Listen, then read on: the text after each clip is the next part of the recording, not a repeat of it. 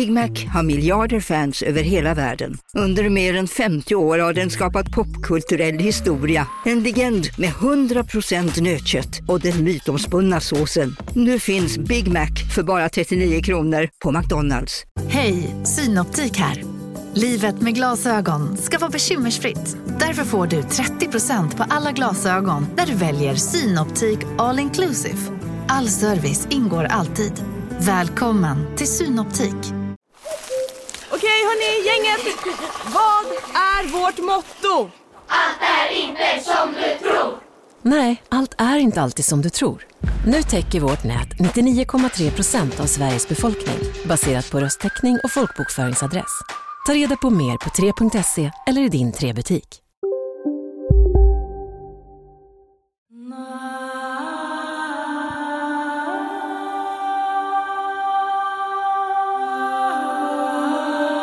Hej och välkommen till Oskar och Fredriks podcast. Det är jag som är Fredrik. Och det är jag som är Oskar. Vissa saker ändras ju aldrig. Nej, Har du tänkt på det? eller gör de det? Ja, men inte i det här livet, men kanske i framtida liv. Kanske. Vi kommer att prata lite grann om eh, dåtid och framtid och Ja, lite sånt faktiskt. det kommer bli väldigt spännande. Vi har ju någonting spännande på gång ju och eh, det är ju faktiskt att eh, du sa till mig idag att du var verkligen sugen på att köra ballongdansen på Youtube. Eller hur? Ja, men vi la ut en fråga på eh, Instagram. Vad, vad tittarna vill ha i vår kanal och så kom det upp ballongdansen. Och du, bara, du hoppade på den direkt. Du bara, det här är någonting som jag tycker vi ska göra sa du. Och jag var inte riktigt, riktigt säker på det. Exakt, du vet, det stod, eh, du har, har ju en bucket list, där stod det bli verifierad artist på Spotify. Jag ställde upp på det för din skull. Nu får ju du ställa upp för mig och köra ballongdans. Så du har en bucket list på det alltså? Nej, det har jag inte. Men, eh, men det visst är det intressant med, eh, med Youtube, för där kan man ju verkligen se saker mer visuellt. Ju. Och eh, någonting som vi kommer ju faktiskt ha redan gjort nu när det här avsnittet släpps, det har faktiskt varit på den andliga kryssningen i, med tidningen Nära ju. Och då körde vi en livepodd ju. Ja, så är det ju. Jag får gärna titta på klockan här nu. Ja, jajamän. Nej, det är ju faktiskt, när vi Ja. spelar in det här så är det faktiskt så att eh, då har vi inte varit där. Men Nej. eh, när vi har varit där så, så faktiskt eh, så är det i framtiden. Då, Mm. då är det ju så att vi har varit där. Absolut, så att ja, om vi pratar framtid. Och eh, jag kan nog säga så här att eh, det är lite spännande att köra en livepodd på kryssningen. Det ska bli jättespännande. Vi har ju bara kört eh, vad det, två livepoddar tidigare va? Mm, och så några föreläsningar. Ja. Så att, eh, vi det- hoppas att eh, om det är så nu att ni har varit och tittat på den när ni har varit där får ni jättegärna ta och eh, skriva lite DM till oss och eh, kommentera vad ni tyckte. Absolut. För det är ett jävligt coolt ämne vi, vi har lyft upp. Ja, ja, det kommer bli så jäkla spännande. Och jag tror att de kommer ha varit trollbundna faktiskt. Ja, jag tror det. Ja. Men eh, vi kan ju börja med att säga det att eh, vi har ju ett par samarbetspartners. Mm. Bland annat eh, bokförlaget Siljans Måsar som eh, är ett eh, förlag som eh, ger ut böcker med andligt innehåll och även personlig utveckling. Och vi har haft många av deras eh, författare, inte många, ja, kanske av deras hundratals böcker, men vi har haft ett par stycken som har varit med. Och eh, vill man gå in och lyssna på dem så kan man gå in och lyssna på Ann Häggbrandt eller Åse Grimpe och Tove, vet han, Tove Noxfeldt och eh, Love Niklasson och så vidare som finns i våran poddar. Absolut. Jag var ju hos en kund idag och skulle sälja in smoothie, tänkte jag. Och eh, hon trodde att jag var sänd från ovan för att hon sa det här är inte Du är sänd från ovan. Ja, lite så. Hon sa till mig så här, hon bara, det, är inte tillfällighet att du är här idag, för jag sa faktiskt till min mamma bara för några dagar sedan att jag borde sälja smoothie. Och jag tänkte, jag spann ju vidare på den då. Jag det är tänkte, det är klart som fan att jag är sänd från ovan. Eh, och hon var ju superandlig och snackade om aspartam och snackade om eh, allt möjligt sånt. Och eh, hon räknade ut mitt, eh, mitt, mitt, nu- mitt eh, numerologi, mitt nummer.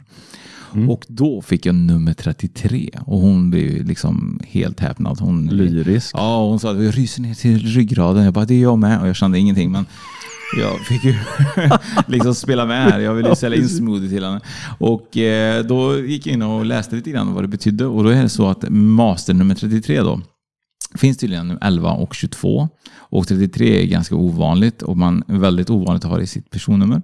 Och det är ett nummer i linje med att höja sitt och utvidga medvetandet och människor som är kopplade till det på, på något sätt är sannolikt omtänksamma och altruistiska. Och det, så långt har jag faktiskt inte kommit vad det betyder. Eh, DM om ni vet vad altru, altru, vet du vad det är? altruistiska? Det här är inte bra ja. Eh, Det är faktiskt känt att vara den ålder där läraren själv, Jesus Kristus, gjorde sin uppstigning till himlen. Och då kände jag mig plötsligt oövervinnlig när jag satt i bilen. Jag bara, fan, jag och Jesus har samma nummer. Hej brorsan. Ja, men inte det, jag, Ja, känns, känner, man sig mäktig när du verkligen kan känna en samhörighet med Jesus? Jag har aldrig tänkt den tanken förut. det? Men, nej. Jo, men nu när du säger det så ja, men det hade varit fint, absolut. Ja. Ja. Så att eh, från och med nu så vill jag att eh, du tillber mig. Ja, Jesus. Jesus. Ja. Eh, och eh, vi har ju ett, ett till samarbete ju. Det har vi, absolut. Och det är eh, Johanssons Entreprenad AB. Och eh, detta är transportföretaget som du kan lita på. Med mångårig erfarenhet i branschen så driver Robert tillsammans med sin fru Gunilla och deras två barn åkeriet Johanssons Entreprenad AB. Med sin kärna i det familjära och med fantastisk personal så kör Johanssons Entreprenad AB allt från krantransporter till specialtransporter. Och de söker ständigt efter nya samarbetspartners och utvecklingsmöjligheter så tveka inte att höra av er till dem. Deras transport är ditt mål. Och eh, de här de kör ju även internationellt och nationellt. Och vi har ju pratat lite om det. Det var ju ett tag sedan som du behövde transport och då kanske du skulle ringt dem egentligen. För de är ju inte så långt härifrån. De håller ju till i, i Strömstad. Men du, jag, faktiskt, när vi pratar om det så är det ju så att ju längre bort det är ju dyrare blir det. Ja, kanske. Jag eh, fick ju en räkning nu typ fyra månader efter jag installerade el utomhus. Och istället för att jag skulle installera det via ett bolag nära så valde jag att installera ett bolag som bodde långt borta. Och då fick jag ju ta timpengen där. Men det här är ju helt annan tran- transport än vad jag behövde. För det var ju bara Exakt. en eltekniker liksom. Ja. Eh, så att eh, om man behöver frakta någonting till Norge kanske man kan ringa dem. Absolut. Ring dem oavsett. De är riktigt duktiga och trevliga. Och eh, nu är det så att eh, vi pratade lite grann i början om att vi skulle prata lite dåtid och lite framtid och lite så vidare. Och eh, i dagens gäst så har vi faktiskt en, en gäst som har skrivit en, en bok. Mm. Och eh, Elin Persson då, som har skrivit den här boken är ju en, eh, en bok som hon förmodligen eh, har drömt om och velat bli författare väldigt länge. Ja. Och hon har ju verkligen äntligen fått sälja sin, sin bok nu. Ja. Och boken heter Odödligt sökande. Ja, Det ska bli jättespännande att höra om bokens tillkomst och eh, Elins historia. Det är jävligt spännande. Verkligen. Så jag tycker vi bjuder in Elin Persson in i samtalet. Mm. Hej, Hej Elin, välkommen! tack. Hur känns detta? Det känns eh, jättebra. Det känns helt overkligt att höra er säga min titel här, Odödligt sökande. Ja. Det är jättekul att vara här. Jag tycker det är kul med det här namnet Odödligt sökande. Mm. För eh, det är ju ganska, ganska stort begrepp egentligen. Och det känns ju nästan så att man söker för evigt. Mm. Och det är lite läskigt ibland. Mm. Eh, är det någonting som eh, du tänkte länge på innan du satte titeln? Alltså jag hade faktiskt den titeln hela tiden, från att jag fick idén 2015. Eh, sen trodde jag inte att det skulle bli den titeln, utan att det var min arbetstitel bara. Men sen när jag väl liksom skulle sätta titeln så var det så här, nej men det ska vara det. För det, det är som du säger, alltså det är en ganska bred titel, man kan få in ganska mycket i det, i betydelsen. Och odödligt sökande, för mig är det ju det här sökandet efter den själsliga kärleken. Eh, Och att själen är odödlig också. Mm, exakt. Och Du berättade ju lite här innan att det var inte igår som du kom på idén med en bok, utan det var ganska länge sedan, var det inte så? Ja, det stämmer. Hur, hur kom tanken till dig då? Jag gick en skrivarkurs i Kungsbacka eh, 2015. Och då skulle vi skriva en novell. Eh, och alla började skriva. Och jag tänkte så här, vad ska jag skriva? Och sen började det nog bara komma bilder. För det, det är så ofta som jag får till mig grejer. Jag ser det som en film för mitt inre. Så då började det komma bilder utifrån den delen i boken som är det här tidigare livet under antika Grekland. Eh, där började det komma bilder, så då blev det att jag skrev en novell om det. Och sen så fick det komma in i berättelsen. Jag tycker det är intressant med det här med novell och bok. För novell är ju, vad jag har förstått det, det ska ju bara vara max antal ord. Det är ungefär till en till två A4 Mm. max. Liksom. Det är väl 500 ord och sånt där för att det ska vara en novell. Och det är ju svårt att tratta ner eh, en berättelse eller vad man vill, vad man vill få fram på 500 ord. Eh, Får fråga, var, var var, sa du att det här var början på typ novellen som du började skriva? Ja, alltså novell, jag har ju alltid varit dålig på att skriva kort. Det Ja. sa ju fröknarna till mig när jag gick i skolan. Så här, Elin, nu ska vi skriva berättelser. eh, Nu får du försöka skriva kort. Liksom. Så att, eh, jag har alltid, skriver alltid väldigt långt, så noveller är inte riktigt min grej. Nej. Så eh, jag vet inte om jag riktigt blev färdig med den faktiskt. Eh, så. Men ändå sitter du här idag med en hel bok. Ah, Ja, ja, precis. Det, novellen blev lite längre så det blev en ja bok. men exakt. Men berätta, innan vi går in och berättar egentligen det här med boken och så vidare, så, så är du på något sätt, för den är ju en spirituell bok, en spirituell romans eller romans eller vad man ska kalla den, en kärleksbok. Liksom. Är det någonting som du själv upplevt mycket? Är det andlighet eller har du, har du i familjen eller har du i släkten? Eller? Ja, alltså just, det började nog med personlig utveckling.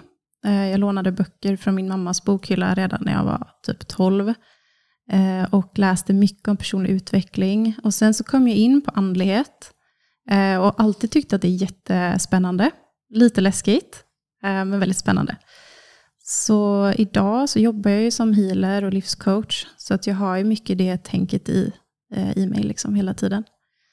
Ehm, Så att det för mig är den helt, natur, är helt naturligt. Och sen då det här med tidigare liv. Det är också någonting jag jobbar med, tidigare liv, healing och så. Så jag tycker att det är så intressant. Och det kom ju ganska tidigt, typ när jag var kanske 18-19, att jag ville uppleva tidigare liv och hade intresse för det. Så det är ganska naturligt att det blev så här. Ja, eh, jag, jag tänker så här att eh, jag har ju en sån här, eh, jag ska inte säga standardfråga, men eh, nu när vi är i början av samtalet ändå så, eh, vem är Elin? Oh, ehm, ja, bra fråga. ja, men lite basic då. Eh, jag är snart 30, från Kungsbacka, som ligger strax söder om Göteborg. Uppvuxen på en bondgård med mamma, pappa och två syskon. Ehm, ja, som sagt, personlig utveckling, andlighet, alltid tyckt var väldigt spännande. Väldigt kreativ person. Eh, alltid många bollar i luften. Um, mina vänner undrar hur mycket jag orkar med egentligen. Men jag tycker att det är roligt. Ja, men det är väl lite så att när de sakerna man gör ger en energi, då får man ju också ork, eller hur? Mm. Då orkar man ju mycket som helst. Men jag tänker, det, är, är du uppvuxen på bondgård sa du? Ja. Typ. Vad kände du då när du var betydligt yngre än vad, vad du är idag? Kände du någon andlighet i det? här? Fick, hade du någon speciell kontakt med djuren? Eller hur, när började det egentligen? För du sa ju där att, att du kommer i kontakt och, och låna böcker och sånt där, men en del upplever att de har haft det hela livet men har inte kunnat sätta fingret på det. Var det så för dig också? Mm, alltså, ja, jag har nog alltid haft, alltså jag är väldigt inkännande av mig. Fast eh, i och med att det har jag alltid varit och då tror man ju att det är så det är eh, för alla människor. Eh, så att det har jag förstått när jag varit äldre, att jag har känt in mycket energier och om någon säger någonting, fast de kanske egentligen menar någonting annat, så har jag känt av den här, eh, ja, det, det, det, man känner av den energin liksom. Eh, så den delen har jag alltid känt av. Och sen har jag ju känt mig, att jag förstod saker eh, när man gick i skolan och sådär och lärarna försökte köra lite så här psykologiska knep, att jag förstod dem. Och bara, varför är det ingen annan som fattar det här? Jag fattar vad de håller på med. Det var väl ingen som ser igenom det här? Nej. Liksom. Så så kunde jag ju känna mig lite udda eh, på det sättet. Men det är det som är intressant faktiskt. Man ser igenom människor oftast ifall man har liksom en eh, intuition eller en magkänsla. Eller Man är liksom ganska vaken i sig. Mm. Det kan jag märka idag på dagens lärare att de ser inte igenom andra elever som inte beter sig väl. Men de ser inte det. Det är jättekonstigt. Men eh, du har ju själv gjort lite sådana här regressionsresor, regressionsresor och det kommer vi prata också mer om. Men din bok handlar ju om en person som har haft ett tidigare liv och eh, har någonting som inte är eh, kanske löst i det Mm. livet. Eh, Berätta gärna mer. Liksom. Är det berätta mer om historien. Hur fick du till det här? Ja, alltså just det här med, kanske bara ska förklara då med karma, som jag säger, det är att man har oupplösta handlingar från tidigare liv. Eh, och Sofia nu då, hon har ju ångest och hon får ingen förklaring på varför hon mår dåligt. Eh, men förstår sen att det handlar om karma då. Och jag själv, alltså jag, vet, jag vet inte riktigt hur jag kom in på det. Eh, jag läste mycket från Benny Rosenqvist, hans böcker, och blev jätteinspirerad och tyckte att det här med andlighet, att nu fattar jag liksom hela grejen, förstår hela livet. Eh, sen så har jag ju själv haft mycket upplevelser att jag har eh, träffat människor eh, där vi har haft, som jag sen har förstått, karma med varandra som vi ska lösa. Och det har varit eh, en del jättejobbiga möten. Eh, men det handlar mycket om förlåtelse. Att förlåta för att man ska bli fria från varandra. Vad betyder karma för dig? Eh, Om man tänker karma brukar man säga, typ när någon gör någonting elakt och så bara, ja men eh, karma, det kommer liksom. Mm. Det här med karma egentligen, vad, vad är det? Vet du, har du koll på det lite mer så egentligen? Är det liksom, vem är det som straffar dig egentligen om man säger karma egentligen? Ja, men alltså jag vill inte se det som straff. Alltså man säger så här, ja men karma is a bitch. Ja, ja precis. Men, eh, nej, men jag vill inte se det som att det är straff, utan det är någonting man inte har löst upp. Alltså så här, ja, men man kanske har gjort någonting som inte har varit bra, eller, eh, ja, men då behöver man lösgöra det som man har med varandra, den energin man har med varandra. Att det egentligen handlar om det, och lyckas man inte med det i ett liv, ja, men då får man ta det i nästa liv. Lyckas man inte då, ja, men då får man ta det i nästa igen. Mm. Men när vi ändå pratar om karma då, tänker du att den karman, eller de, jag säger karma, det som, den karman som man eh, möts av idag, det är väl synd att säga drabbas av kanske, det låter så himla dramatiskt. Kommer den från det här livet eller kommer det alltid från tidigare liv? Bra fråga. Alltså. Jag, jag kan inte svara på det, men jag skulle tro att det kanske är både och. Mm, ja, det är min spontana tanke också. Ja. Jag tror det. Mm. Ja, tanke på att man måste kanske lösa upp det i ett- i annat liv så kan det ju vara så att det följer med dig hela tiden. Liksom. Ja, för man, man gör väl saker i det här livet som kanske inte är så himla bra alla gånger. Ja. Även fast man kan, intentionen kanske inte är att göra illa naturligtvis, men ibland kan det ju bli tokigt. Ja. Men tänk dig då egentligen om du lever ett så jävla bra Moder Teresa-liv liksom, i ditt liv och så helt plötsligt bara kommer karma is a bitch från tidigare liv. Liksom. Värsta smocka. Värsta- Kompis. Ja, verkligen. Så att eh, det är ju så. Men din bok då så är det ju så, då är det ett, ett förhållande, eller jag vet inte om det är ett förhållande, men det är ett förhållande mellan en man och en kvinna i alla fall. Som eh, de, eh, det här odödligt sökande, det känns lite som att hon då söker den här kärleken till eh, Ja. ja. Nu försöker Fredrik starta upp en kamera men det går inte så bra. men du får gärna berätta lite grann egentligen vad boken handlar om. Ja, men det handlar om Sofia som har en nära döden-upplevelse och där då får reda på att hon har karma med en man från ett tidigare liv. Eh, och att för att lösgöra den här karman då så behöver hon söka upp honom eh, i det här livet. Så att hon, det blir liksom en resa så att man får återuppleva hennes tidigare liv med den här mannen och vad det var som hände där då när karman skapades. Och sen sökandet efter mannen idag, i dagtid. Men hur fick hon till, hur fick hon att hon var tvungen att söka efter honom? Hon är med om en nära döden upplevelse och hamnar typ på andra sidan. Eller vad man ska säga det. Eh, och får information av sin guide och sin mamma som inte lever. Hur han ser ut idag också? Eller är det, för jag menar, eller är det bara att hon ska träffa en man? Nej, hon får bara reda på att eh, du, du måste söka i ditt inre för att ta reda på det. Så hon vet inte själv, liksom, hur ska jag hitta honom, var finns han? Det vet hon inte. Eh, men det börjar sedan att komma till henne. Och boken utspelar sig inte i Sverige, den utspelar sig i... Den utspelar sig i Sverige. Eh, Sofia bor i Varberg. Och, men det utspelar sig mycket i antika Grekland eh, och sen även i nutida Grekland. Har den här boken på något sätt liksom en eh, koppling kanske till dig också? Ja, ja alltså det här är ju komplicerad. Eh, ja, jag vet inte hur jag ska svara på det. Men inte själva händelserna i sig. Men under tiden jag har jobbat på de här böckerna, för det här är ju del ett då av tre, så att eh, jag har ju redan tvåan och trean klar i huvudet och jag vet vad som ska hända och hela berättelsen. Så under tiden jag har liksom kommit på vad som ska hända, Så efter jag har kommit på det så har jag sen fått uppleva många av de här grejerna. Inte exakt så som det är i boken, men liknande grejer. Så att ibland har jag varit så här, skriver jag mitt egna liv? Eller bara typ, är jag så inne i det att jag manifesterar det? Eller är det en kombination av det? För det där hade ju varit så jäkla coolt rent ut sagt att man skriver sin egen historia. Mm. Det, det finns ju ingen, eh, inget stopp på vad schyssta grejer man kan skriva om sig själv. Då. Nej, men jag uppnår det här och jag kommer vara med om det här. Och, Ja. har du tänkt på det? ja, jag vet inte. Nej. Alltså det här, så, de här grejerna har ju bara hänt utan att jag har tänkt på det. Typ. Mm. Att jag sen bara, men shit, nu är jag med om det här och nu får jag uppleva den här grejen. Och nu händer det här i en annan relation som jag är i. Eh, men det här har jag ju skrivit om i min bok. Liksom. Både bra och dåliga grejer. Ja, ja, det är superintressant. Det, ja. Men du har ju gjort eh, flera regressionsresor. Mm. Och eh, det, det är flera av dem som, eh, som du har, har fått inspiration till boken av, eller? Mm, ja, eh, fast inte som är med i den här. Nej. Eh, vem vet, det kanske är mitt tidigare liv jag skrivit om, det vet jag inte. Men eh, det kommer i kommande böcker i den här serien då, så har jag ett som jag själv upplevt då, ett tidigare liv som jag kommer eh, ja, ta rakt ifrån mig själv och skriva in.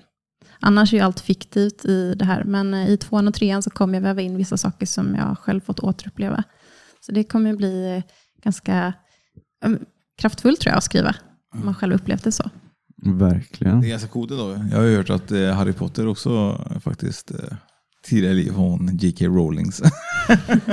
Men det är det som är så coolt egentligen, för det, det som du sa Fredrik, det är egentligen så är det ju att man, man vet ju inte. Jag menar, grejer som man skriver, och folk kan ju ibland, ibland som man kallar det, typ så här, att man kanaliserar böcker och så vidare. Jag menar, det, det kan ju lika gärna vara att du kanaliserar saker som du själv upplevt i, i tidigare liv. Eller, så här. Det är ju ganska intressant egentligen. Ja, och det, det var faktiskt ett medium som sa till mig att, eh, att jag har lätt att plocka ner information från energifältet och att det inte bara är från det, är från det förflutna och det är också från framtiden, men att det inte bara är från mig utan att det är från det här kollektiva. Och att därför skulle många bli berörda av boken. Det är ganska spännande tycker jag. Ja, det är kollektiv. Är det Akasha-biblioteken vi är inne och rör i nu då, eller? ja det är väl Ja. det man kallar va? Eller? Ja. Mm. Ja. Ju- Stjärnor spekulerar hör. Ja, precis. Ja, men det, det där är ju så jäkla intressant tycker jag. Tänk att få tillgång till det på ett medvetet plan, eller jag på att säga. Men Men, det kan du ju om du har mäster nummer 33 Fredrik. ja, så att, du får, du, kan inte du dra en sväng och berätta för oss? Saken är det, så här, jag har ju jätte, jag, grejen är typ att jag har ju så här, jättemycket så här, bokidéer så här, och filmidéer som bara dyker upp. Så, jag- det, men för mig är det typ så här, jag orkar verkligen inte sätta mig ner och skriva. Jag har ju verkligen svårt med det där. Så att jag menar, jag behöver ju verkligen en sån här ghostwriter. Som bara skriver ner allting jag säger. Mm, ja, du behöver ju det. Verkligen. Men, för vi har ju också gjort regressionsresor, du och jag, Oskar. Ja. Ja, det, De kan man ju kolla på void.tv ifall man vill göra det. ja, just det, de ligger där. Mm. Ja, det Jag har jag faktiskt glömt bort. släppt ens. Men du har gjort det, vi pratade ju om det förut. Vi får jättegärna berätta om din resa, eller dina resor, eller den coolaste resan om du vill. eh. Med tidigare liv tänkte du Ja, på? precis. Ja, ehm, jag, jag fick, när jag var hos eh, Benny Rosenqvist när jag var 20, vilket är nu då 10 år sedan, så berättade han för mig att jag hade haft ett tidigare liv i Grekland, eh, där jag drunknade. För han började och frågade så här lite ironiskt och typ skojade, så här, "Ja, gillar du vatten? Haha. Och jag har alltid haft vattenskräck sedan jag var liten och mina föräldrar har aldrig förstått var det har kommit ifrån. Det finns liksom ingen eh, förklaring. Um, så då sa jag, det, ja nej jag gillar inte vatten. Och då sa han, det, nej men du eh, levde i Grekland och du eh, dök efter sådana här tvättsvampar eh, och eh, fastnade i någonting och drunknade. Och i det livet så levde du med din eh, själsfrände eller tvillingsjäl. Eh, och eh, det han kommer du träffa i det här livet. Och ni kommer ha en stark koppling till Grekland båda två. Um, så att jag, fick, eh, jag gick på regressioner för att jag ville liksom se om jag kunde få fram det här själv. För det är en sak att få uppleva det själv, eller att någon berättar det för en. Ehm, men eh, det kom aldrig upp förrän typ förra året. Då kom det. För då, då fick jag bara så här, nej, nu vill jag jobba med min vattenskräck. Jag vill lära mig surfa och då måste jag få bort min rädsla för vatten. Så att, eh, då gick jag på regression och då kom faktiskt det här livet upp och det var galet. Och då menar du, kom det livet upp? Menar du, då kom en person som hade kopplingar kanske till det här, din själsfrände då, eller till din själ då, som du mötte då? Eller, eller? Ja, först, så, först var, hade, var jag ju på regression och fick, eh, jag bad bara henne att ta mig tillbaka till vart min vattenskräck började. Eh, och då kom jag tillbaka till det här, där jag ser att jag bara ligger på botten och tittar upp genom vattenytan och ser solen på himlen. Fy fan läskigt. Ja, eh, det var verkligen som att min, en del av min själ var kvar där. Alltså jag vill tro så att när man gör regression så hämtar man hem en del av sin energi eller sin själ. Eh, och där fick jag uppleva att jag var man i det livet eh, i Grekland. Och eh, sen så, ah, det, är så här, det är väldigt starkt att ens berätta om det här. Men sen så ser jag min eh, fru som står på klippan där vi bor, eh, på ön. Och hon står vid kyrkan i svarta kläder. Eh, och att hon står där varje dag och väntar på att jag ska komma hem. Eh, ja, jag blir lite så rörd när jag pratar om det, för det, är väldigt, det, var, det var extremt starkt. Den sorgen att känna att jag fick aldrig komma hem och berätta liksom vad som hade hänt. Fast på något sätt så visste hon ju att jag inte levde längre. För att hon stod där i svarta kläder, men ändå stod där och väntade varje dag. Ja, det är jättesorgligt. Ja, jag, grejen är typ att jag får ju en Man blir- rysning av ja. det här för att jag vet ju riktigt. För grejen är typ så här att för er som väntar på ett avsnitt här eh, efter Elin så är det så att vi har ju faktiskt med Mikael som är hennes sambo eh, idag. Och eh, vi hörde lite lätt om att det fanns en koppling med och jag kunde koppla ihop det här nu då. Och eh, för er som kommer att lyssna på nästa avsnitt kommer vi höra kanske kopplingen lite mer. Men det är ju faktiskt ganska, ganska sjukt ju. Är inte det? Det som kommer att komma skall i nästa avsnitt.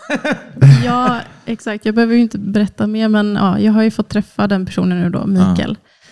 Eh, där han fick uppleva det här själv, det här tidiga livet. Och det var galet att få själv ha upplevt det och sen träffa någon som får berätta från sin, sitt perspektiv, liksom, ifrån samma liv, har levt ihop. Alltså shit alltså, hör du det Fredrik? Det är Ja. ju galet ju. Fan. Det är, alltså det, här, det är magiskt. Ja, det kan jag det, jag har aldrig är varit med om att någon har upplevt det. Nej, jag får en sån här skön rysning i kroppen. Ja. Alltså det är när pusselbitarna faller på plats på något vis. Även fast eh, känslan i regressionen var ju väldigt stark och tuff såklart.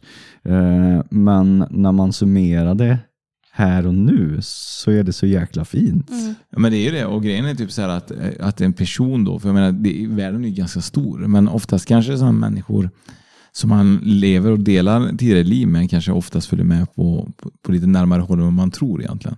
Det är bara att eh, man har inte koll på det förrän man kanske gör en regressionsresa eller känner att man starkt dras till någon, man vet inte varför egentligen.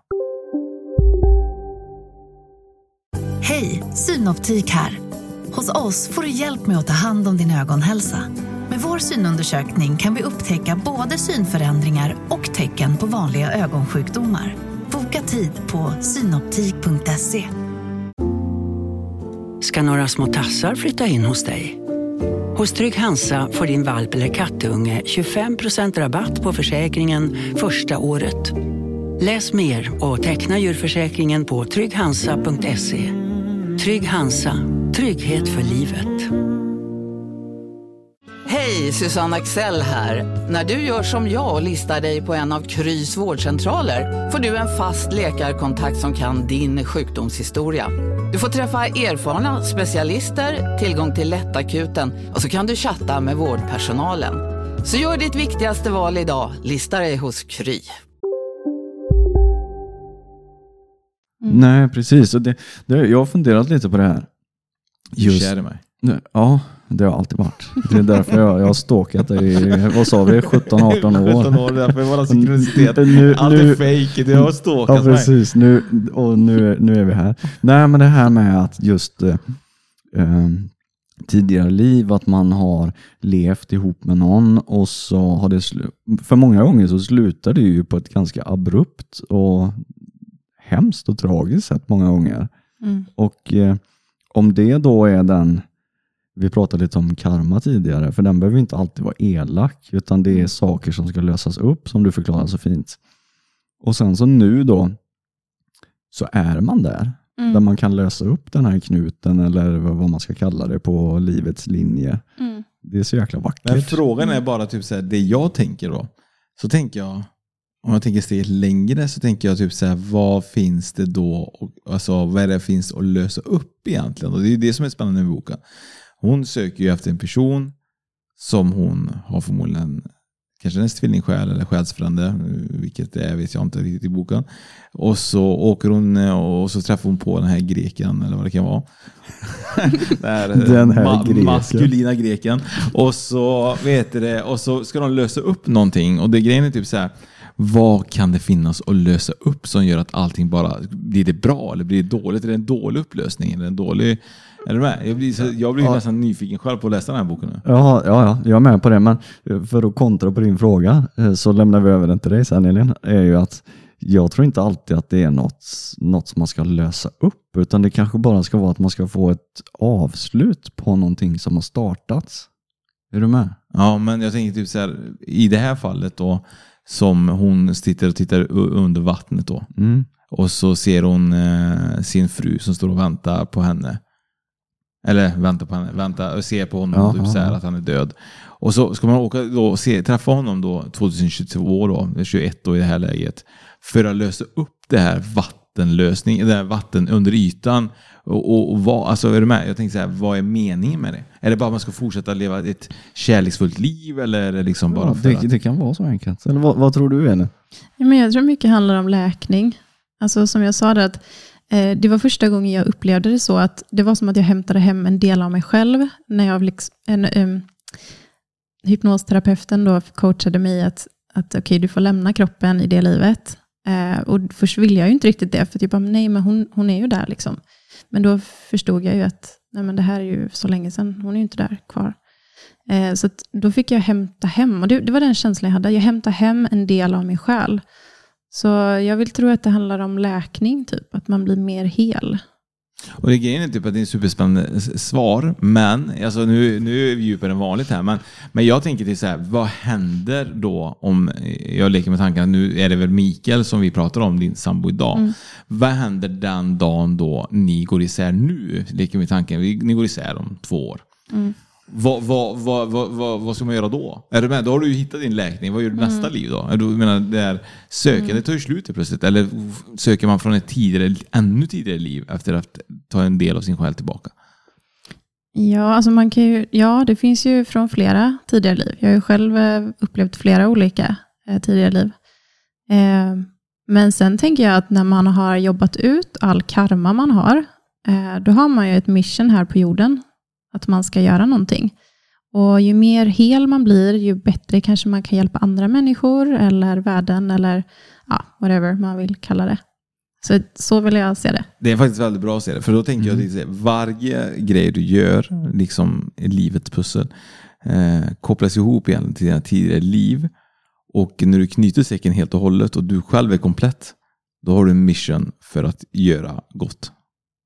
Är det Ja. inte så eller? Ja, Ja, alltså det är jag snöar in på. Det är så jäkla intressant det Det här. är så stort.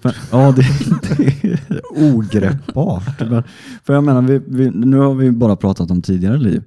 Men det kommer ju komma en dag när vi inte finns här i det här livet längre. Och vad, vad händer fram på? Det, alltså, tänk om man kunde göra en, en Framtid reading. ja precis, jag vet inte vad motsatsen till, till, till vad heter det?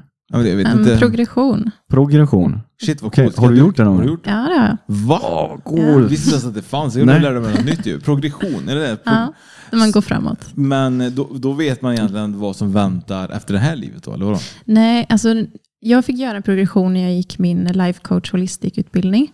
Jag hade ingen aning om vad det var, hade aldrig gjort det innan. Eh, Så då guidade hon oss in i en meditation kan man säga. Och där vi fick möta vårt framtida jag. Så då var det i det här livet eh, som man fick möta sig själv. Och Och- kunna, kunna ge budskap och vägledning till sig själv. Eh, Och även för mig var det mycket hopp, för det var en period där det var jobbigt i livet. Och då få se liksom så här ett antal år framåt hur bra livet såg ut. Det gav mig mycket styrka genom de åren som var jobbiga. Men tänk då om man då gör en progression och det visar bara att det blir bara sämre. Ja. men förstår du vad jag menar? Det- Då får du inte hopp för livet liksom. Nej, men då Det kanske, det kan ge, då kanske det kan ge en så här fingervisning om att jag behöver göra någonting annorlunda just nu Mm. för att förändra utgången av det. Mm. Absolut, för jag tänker ju någonstans, nu jag där att livet på något vis tror jag vill oss väl. Jag tror inte på att eh, vi är utstakade för att må dåligt och, och möta um, sådana här utmaningar som vi faktiskt inte ska kunna klara av på något vis. Men det, Eller jag vill- jag vill tro det i alla fall. Ja, men jag tror ju ändå liksom så här att även oavsett om livet på något sätt inte är ute efter dig så innebär det ju inte liksom att du inte får väldigt många utmaningar som känns att livet verkligen är ute efter dig. Så jag menar, vi har ju haft avsnitt där vi har träffat på liksom Helena Sörmander och så vidare. Så här stora grejer som är väldigt svårt att ta sig igenom. Och jag menar, det innebär ju liksom att du måste ju vara ganska stark i dig själv för att ta dig igenom de här grejerna. Och är man inte det, då har man ju väldigt svårt med det. Så att jag menar, utmanande, livet utmanar ju dig hela tiden ändå. Så att jag menar, det betyder ju, egentligen är det du själv som ska försöka ta dig igenom det, men det är inte alla som lyckas ju. Så att ibland kan det vara så att Jesus eller ja, Gud eller vad du vill kalla det, eh, faktiskt skickar utmaningar som man inte alltid kanske kommer över. Ja, ja, ja visst. För det är Och- många som tappar tron liksom. Ja, det är det. Och det är väl därför vi, vi kanske har flera liv då, för vi behöver flera liv på oss att lösa upp det. Mm. Jag vet Jag tror, jag tror ändå på att vi har en plan innan vi går ner hit till jorden. Att vi har liksom så här, ja, men i det här livet ska jag lära mig det här och det här. Och om man bara hade liksom levt på, åkt på en räkmacka genom hela livet så kanske man inte hade lärt sig så mycket. Så ibland behöver man de här jag säga, motgångarna, men som på ett sätt också är kärlek, för det får det att växa. Mm. Så, så försöker jag se på det. Men jag förstår också för de som har det riktigt tufft, att det är inte lätt att se på det på det sättet. Nej, nej, det är ju inte det. Och det är lite som, eh, som Oskar tog upp här när vi pratade med Helena då i ett tidigare avsnitt. Att eh, när eh, den här klyschan som jag använde nyss då, att eh, eh, man får inte tyngre saker än vad man faktiskt klarar av. Men att säga det till, det till någon som upplever en, sitt värsta i, i sitt liv, det, ja, det, det är en svår och tung, tuff fråga. Ja, alltså det, är så, alltså det är så svårt för jag menar det är ju det är alltid svårt att förlora närstående och familjemedlemmar och barn och man och allting sånt där. Så att det, det är väldigt, eh, man kan inte säga något sånt för att man, eh, det blir så svårt att relatera ifall man är där. Och, och det är tungt liksom. Men, men du tror i alla fall någonstans i alla fall att det här livet som du lever idag är ett sätt för dig att ta dig ifrån det här livet som du förmodligen då hade eh, svårt med tidigare. Som det var typ, det låg liksom något, ska man säga, unfinished business där. Har ni löst upp det idag du och din sambo? Har ni kunnat liksom så här veta vad det gäller? Liksom? Ja, eh, alltså det som var unfinished var väl egentligen att vi eh, fick en separation. Eh, när man har stark kärlek och inte får fortsätta leva i det. Och det är någonting som jag har sett är en röd tråd i mina tidigare liv. Att eh, precis när jag har fått någonting, om det är en- partner eller ett barn eller någonting som jag älskar, så har det tagits ifrån mig. Så att det måste ju ha varit ett tema jag har valt i det här livet, tänker jag, att jobba med Mm. eh, och komma över. Jag, jag måste bara ställa en fråga. Det, när du eh, åkte tillbaka till det livet i Grekland där, Mm. fick du någon uppfattning av hur länge sedan detta var? Om man kan tänka om då, har du levt flera liv mellan det livet och det livet du lever idag? Ja, det där är så svårt. Alltså. Men ibland så har jag fått till mig årtal. Just med det här livet minns jag inte, jag tror inte det. Men eh, man kan ju göra lite efterforskningar och kolla just när de, vilken tid var det de dök efter de här tvättsvamparna och sånt där. Och de gjorde när det var fridykning. Men eh, det minns jag inte. Jag har nog googlat en del, men jag kommer inte riktigt ihåg nu. Men eh, ja, alltså, det som är roligt med det här samtalet det är att det är så stort. Liksom, och man kan verkligen man kan grotta ner sig i jättemycket grejer och man sitter där med, med tankar och funderingar och det är så himla svårt på något sätt. Men däremot kan man ju alltid ta med sig till att eh, säga till faktiskt Mikael då, som är eh, din, din sambo då, att eh, han får absolut aldrig någonsin lämna Elin ju. För Nej. att hon har ju med sig det hela vägen. Alltså hon har förlorat barn och hela tiden och kärlek och så vidare. Så att, Så att, eh, tips till eh, Mikael där, att eh, oavsett hur jobbigt det är så får du fan stanna kvar. Alltså. Håll dig i skinnet. Ja. No pressure. Men känner du någonstans, typ så här, jag tänker, rädslan då finns ju att man förlorar det man älskar och tycker om ju. Mm. Är det någonting som du fortfarande känner också, typ att det, det är någonting du går och tänker på, typ att om det tas bort, att det försvinner liksom från dig? Jag tror att det har blivit bättre faktiskt. Det känns som jag har läkt det en del. Mm. Ehm, så att, nej. I- Nej, jag kan inte säga att jag går och tänker på det längre så. Nej, men det var någonting som du har tänkt, tänkt på? Alltså jag har nog aldrig tänkt på det aktivt, utan det har bara legat där eh, undermedvetet på något sätt. Mm. För det kan jag tänka mig att det blir automatiskt egentligen, för det är så svårt. Tankar och funderingar är så svårt. Mm. Och är det någonting som man verkligen tycker om och älskar väldigt mycket så är det ju väldigt eh, svårt ibland att tänka typ så här, tänk om jag blir lämnad, tänk om den inte älskar mig lika mycket, tänk om den inte tycker om mig lika mycket. Det är ju nog en Ja. vanlig tanke där. Ja. Faktiskt. Ja, det är det. Man försvinner in i tankarna. Ja, det- är sjukt. Absolut. Men eh, jag blir ju lite nyfiken på, du sa att du hade både en del två och en del tre på, på dina böcker. Ehm, är de helt kopplade med, med den första boken eller blir det en, en ny resa så att säga? Eller är det en, en reinkarnationsresa om du för- förstår vad jag menar? Mm. Nej, men de är helt, det går inte att börja läsa tvåan, typ, utan Nej. det är en hel berättelse som sträcker sig över tre böcker. Ehm, så att det man får följa Sofia genom de här tre böckerna. Och det, men det är flera tidigare liv. Ja, det är, det är intressant. Och Då, med det så blir ju faktiskt den här diskussionen som vi har nu ganska aktuell med det, Mm. eh, känner jag. För det, man kan ju dyka hur djupt som helst i det här, känner jag. Tänk om det är med nästa bok så, så är hon med i en podd i 2033. liksom. men, men jag tänker lite grann så, om man, eh, om man vill läsa den här boken som du sa då, det är ju liksom del ett. Mm. Och det här utspelar sig att de börjar i Sverige och så åker de vidare till, eh, till Grekland. Mm. Och eh, finner kärlek där. Och i nästa bok så sa du, blir det en ny regressionsresa då? På samma person eller? Alltså det... Jag, Vi ska inte prata om slutet här självklart. Men, men, men, men är det tanken typ så här att, eh, att hon lever ett nytt liv? det, Är det nej, typ antologi? Typ? det, hon är fortfarande här, alltså Hon lever fortfarande? nutid. Ja. Eh, men man kan ju ha flera tidigare liv Mm, mm. tillsammans. Ah, shit, alltså lite som Outlander alltså. Ja, Outlander. I love it. Det är Ah, mycket inspiration. Ja, men det kan jag tänka mig. Och det är någonting som är jävligt coolt. Det är ju, den, eh, den serien är ju magisk alltså. Mm. Den är ju svinbra. Jag är så svinbesviken att jag gav upp efter typ så här, eh, tre säsonger och blir så här, ja, så missar jag en månad och så blir det så här, jag har inte kollat upp igen. Har du tittat på den någon gång? Ja, Outlander ja. Ja. Absolut. Men det är väl där de har ihjäl varandra och så får de... Nej.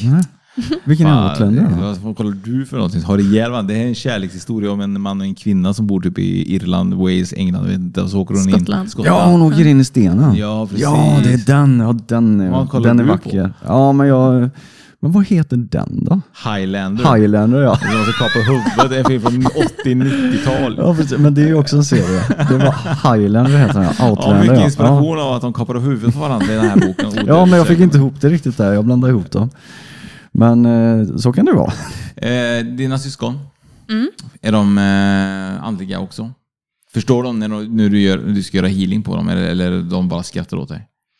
Ehm, de är nog mittemellan tror jag. De är öppna för det, men de är nog inte kanske riktigt där jag är med det. Nej. Men det här har ju varit en dröm, vi pratade om det förut, vi vill Mm. jättegärna prata om det. Mm. Eh, berätta egentligen hur det gick från att drömma det till att upp, verkligen göra det. Ja, det har varit min, att bli författare har varit min största dröm sedan jag lärde mig skriva egentligen. Jag hade alltid massa berättelser i huvudet och som jag sa innan, när jag skulle skriva berättelser i skolan så sa fröknarna till mig liksom, att nu får du inte skriva för långt här. Eh, så att det har alltid funnits att jag, jag ska bli författare och jag tror att jag har alltid haft mycket drömmar och mål eh, och varit väldigt målmedveten. Så att eh, det har ju funnits folk som har skrattat och sådär, ja, du tror att du ska bli författare liksom. Eh, men det har jag bara eldat på istället. Att, ja, men då ska jag verkligen visa att jag ska lyckas. Det här är, jag, jag har bara känt det så starkt i magen. Och man kan känna sig lite arrogant när man pratar om det. Så att det kanske inte alltid jag har sagt att så här, ja, men jag ska bli författare. Jag vet redan att jag kommer bli det. Det kanske man inte har sagt. Men så har känslan varit. Eh, för att den har varit så stark. Så ja, nu vet jag inte vad frågan Nej, är. men alltså hur det gick från att du verkligen eh, drömde den här, att du skulle bli Mm. författare, till att du verkligen tog tag i det och, och verkligen eh, Ja. satte dig med det. Nej, men, eh, redan på gymnasiet så pluggade jag journalistik och film. Eh, och sen så har jag pluggat eh, litteraturvetenskap, journalistiskt skrivande, gått så här manusutbildningar utbildningar och sånt. Så jag har pluggat mycket med skrivande och skrivit vid sidan av. Och sen vet jag inte egentligen, jag började ju på den här då 2015. Så bara bestämde jag mig, jo jag tror, jo så var det, i nu i januari, så det är ja, inte riktigt ett år sedan, men snart är det ett år sedan då, så var jag hos ett medium. Eh, superduktigt medium, var jättespännande. Eh, Hon hade aldrig träffat mig innan. Och eh, det första hon började prata om var så började hon prata om det här, ah, men du är författare eller du skriver böcker. Så ja, jo, jag skriver gör jag. Eh, och då hade jag haft mitt manus klart, det blev klart förra året. Och då hade jag varit så här, jag har skickat in det till bokförlag. Eh, och så hade jag fått många nej, jag hade fått ett ja. Eh, Men då kände jag inte riktigt för det. Det var någonting med magkänslan. Så jag hade gått i tankar att så här, man kanske ska ge ut själv. För då kan jag bestämma hur boken ser ut, hur, vilken redaktör jag ska jobba med. Och jag gillar ju att lära mig saker och få ja, men bestämma lite också att jag vill verkligen att det ska bli bra. Eh, och det här mediumet hon sa till mig, så här, nej men du ska inte ge ut på ett förlag, du ska ge ut själv. Jag hörde jättetydligt, du ska ge ut själv. Och då var jag så här, men gud, ska jag verkligen det? Så här, om man frågar om råd så säger folk att nej, man lyckas inte då. Man kan inte lyckas när man ger ut själv. Du måste komma på typ Bonniers eller något stort eh, förlag. Men eh, jag fick pushen därifrån. Eh, och och så här, ja, men jag ska nog göra det här, för jag har gått i tanken innan. Så att jag bara bestämde mig att okej, jag sätter ett datum, när ska den ges ut? Ja, men 10 september. Och det här var då i 1 februari. 10 september ska den ges ut. Manuset var inte ens klart. Men, eh, och jag hade ingen aning hur man gjorde, eller eh, vilka redaktör eller grafisk formgivare, ingenting. Men jag tror på typ en vecka löste sig allt. Alltså det kom verkligen, folk bara trillade in från ovan. Hittade bästa redaktören, hittade bästa grafiska formgivaren, hittade ett tryckeri. Ehm, ja, allting bara löste sig så fort. Det var så menat. Ja, det är häftigt. Vad, men jag blir lite nyfiken på 10 september. Vad, vad kom det ifrån? Vet du det? Nej, Det, jag vet det, inte. det bara blev så? Ja, alltså det var så här, okej, jag kommer inte hinna innan sommaren, eh, så eh, det får bli efter sommaren. Och augusti, ja men september blir bra. Så vi kör där 10 september, det kändes bra. Jaha. Sen så blev den ju klar tidigare. Den kom ju eh, i juli redan, så jag hade lite smygpremiär nu i sommar med boken. Okej, så den är, den, är från, den är faktiskt från i år då? Mm. Kul. Och vi har ju fått möjlighet att ta del av, eh, av varsin bok här ju. Exakt, och vi kommer ju få... Våra eh, Patreon-lyssnare kommer ha möjlighet att vinna den ju. Exakt. Och, men grejen är du, eh, vi pratar då om att du släppte den 10 september. Du gav ut boken själv. Eh, har du någon gång haft, eh, har du haft tvivlat eller har du bara haft den där starka magkänslan att det här kommer gå svinbra? Jag har fått mycket, när jag mediterat och sådär, så har eh, liksom, guiderna visat mig att du ska bara se dig själv på releasepartyt när du står där och håller i boken. Så den målbilden har jag haft framför mig och jag har sett den så tydligt. Så det handlar ju också om det här att manifestera saker. Eh, så att klart det kommer tvivel, det är ju mänskligt att det kommer tvivel. Och jag tänker, hur ska jag ha råd? Hur ska jag lösa det här? Varför kan jag inte bara typ, varför tar jag på mig så mycket hela tiden? Ja, precis. Men eh, nej, alltså, så det, ja, det är väl den där bilden jag har haft framför mig hela tiden. Att eh, jag ska bara lyckas och så är jag skiter i vad som står i vägen, jag ska bara igenom det. Det är så jävla coolt alltså. Jag önskar att alla tänkte som er. Ja, precis. Faktiskt. Det är faktiskt en stark inspirationskälla tycker jag faktiskt. För att det finns så många där ute som vill göra saker som inte tar tag i saker. Mm. Och för att man inte vet, men allting löser sig oftast. Ja, Faktiskt. ja så är det. När vi räknar vi att bok nummer två ska komma? Ja, jag har tänkt att den ska komma till midsommar 2023. Oj, redan? Ja, I know. Det är väldigt snart. Så att nu åker vi till eh, Spanien på fredag. Så ska jag vara där, sitta och skriva, tänkte jag. Fokusera på bok två. Tänk om vi kunde säga så Fredrik, vi ska åka till Spanien och bara skriva lite. Ja, eller börja spela in podd från Spanien. Ja, det är jävligt gött Ja. faktiskt. Hur viktigt är det med punkt i en bok? Vad sa du? Jag skriver aldrig punkter. Hur viktigt är det med punkt? Jag är så dålig. Alltså, jag har tänkt på det väldigt mycket. När jag skriver så här meningar, jag kan skriva typ så här. Jag ser ju aldrig mig själv och lägga en punkt någonstans. Så jag kan skriva typ en A4 och så tänker jag så här, fan det var två punkter på hela A4 och inte ett enda komma- kommatecken.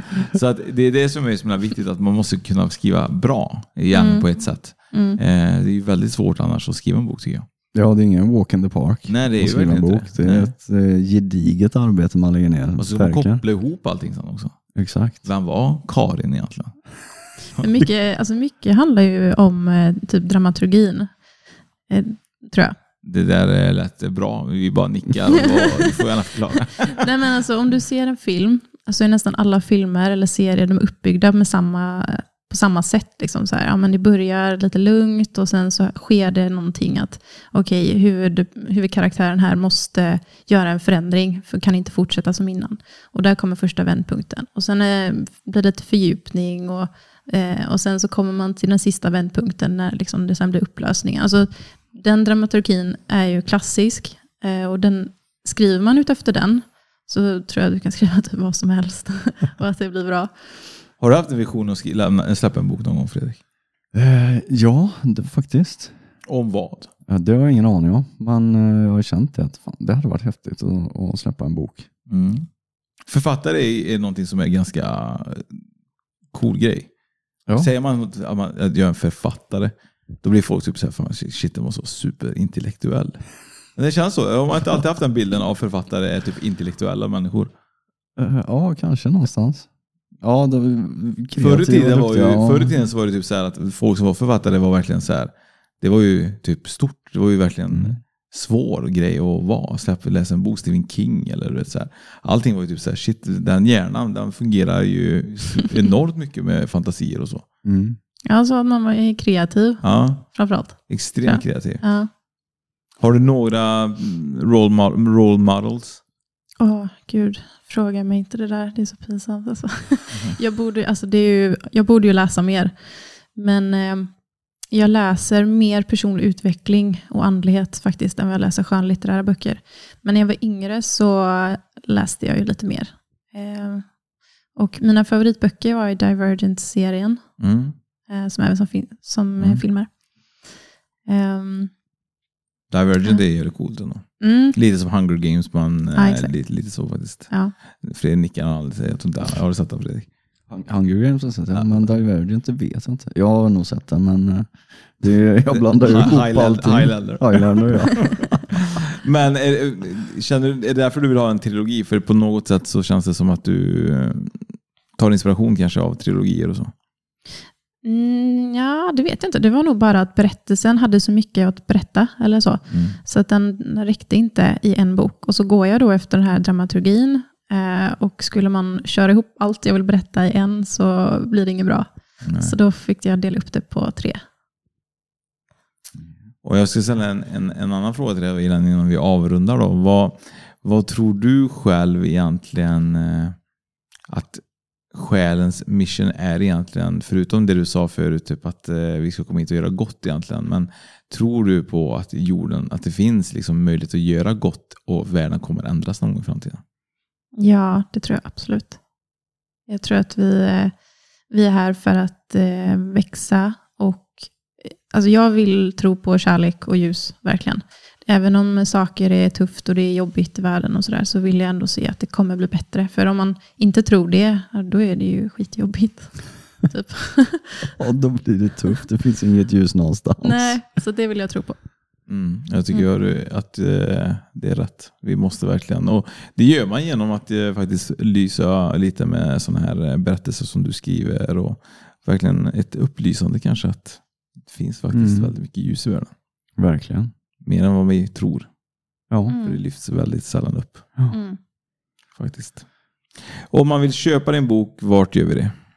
Då gör man det på förlagets hemsida som är pwpublishing.se. Det kan vi lägga en länk på i våran. Det kan vi absolut göra. Och eh, vill man eh, kontakta dig för healing och sånt, vad gör man det? Eller gör du det också? Ja, jag jobbar med healing och livscoaching. Eh, Då kan man eh, antingen går man till min hemsida powerwithinpw.com eller så går man till Instagram, elin.persson. Och Persson med H. Persson med H. Persson med H. Ja. Det är ganska coolt det va?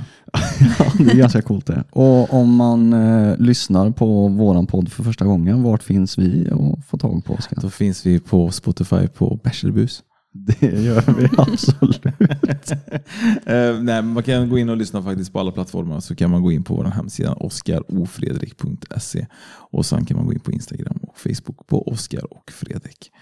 Eh, ja, Fredrik, eh, nu har vi släppt en halloween-låt och eh, nu är det som sagt väldigt viktigt att man eh, delar och lyssnar och eh, vi har ju lovat om det går bra så har vi tänkt att göra en jullåt ju så det är väldigt viktigt. Exakt, så in och lyssna på våran magiska halloween-låt och sprid ljuset. Bärselbus. Ja, och med de orden så tackar vi naturligtvis Elin för att du kom hit. Tack så mycket. Tack för att jag fick komma.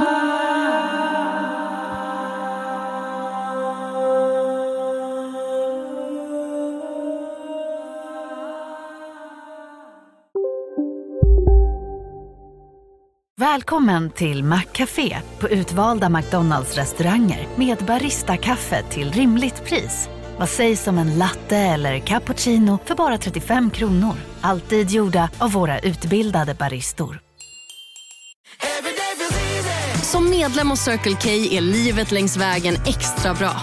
Just nu får du som ansluter dig 50 öre rabatt per liter på de tre första tankningarna och halva priset på en valfri biltvätt. Och ju mer du tankar, desto bättre rabatter får du. Välkommen till Circle K.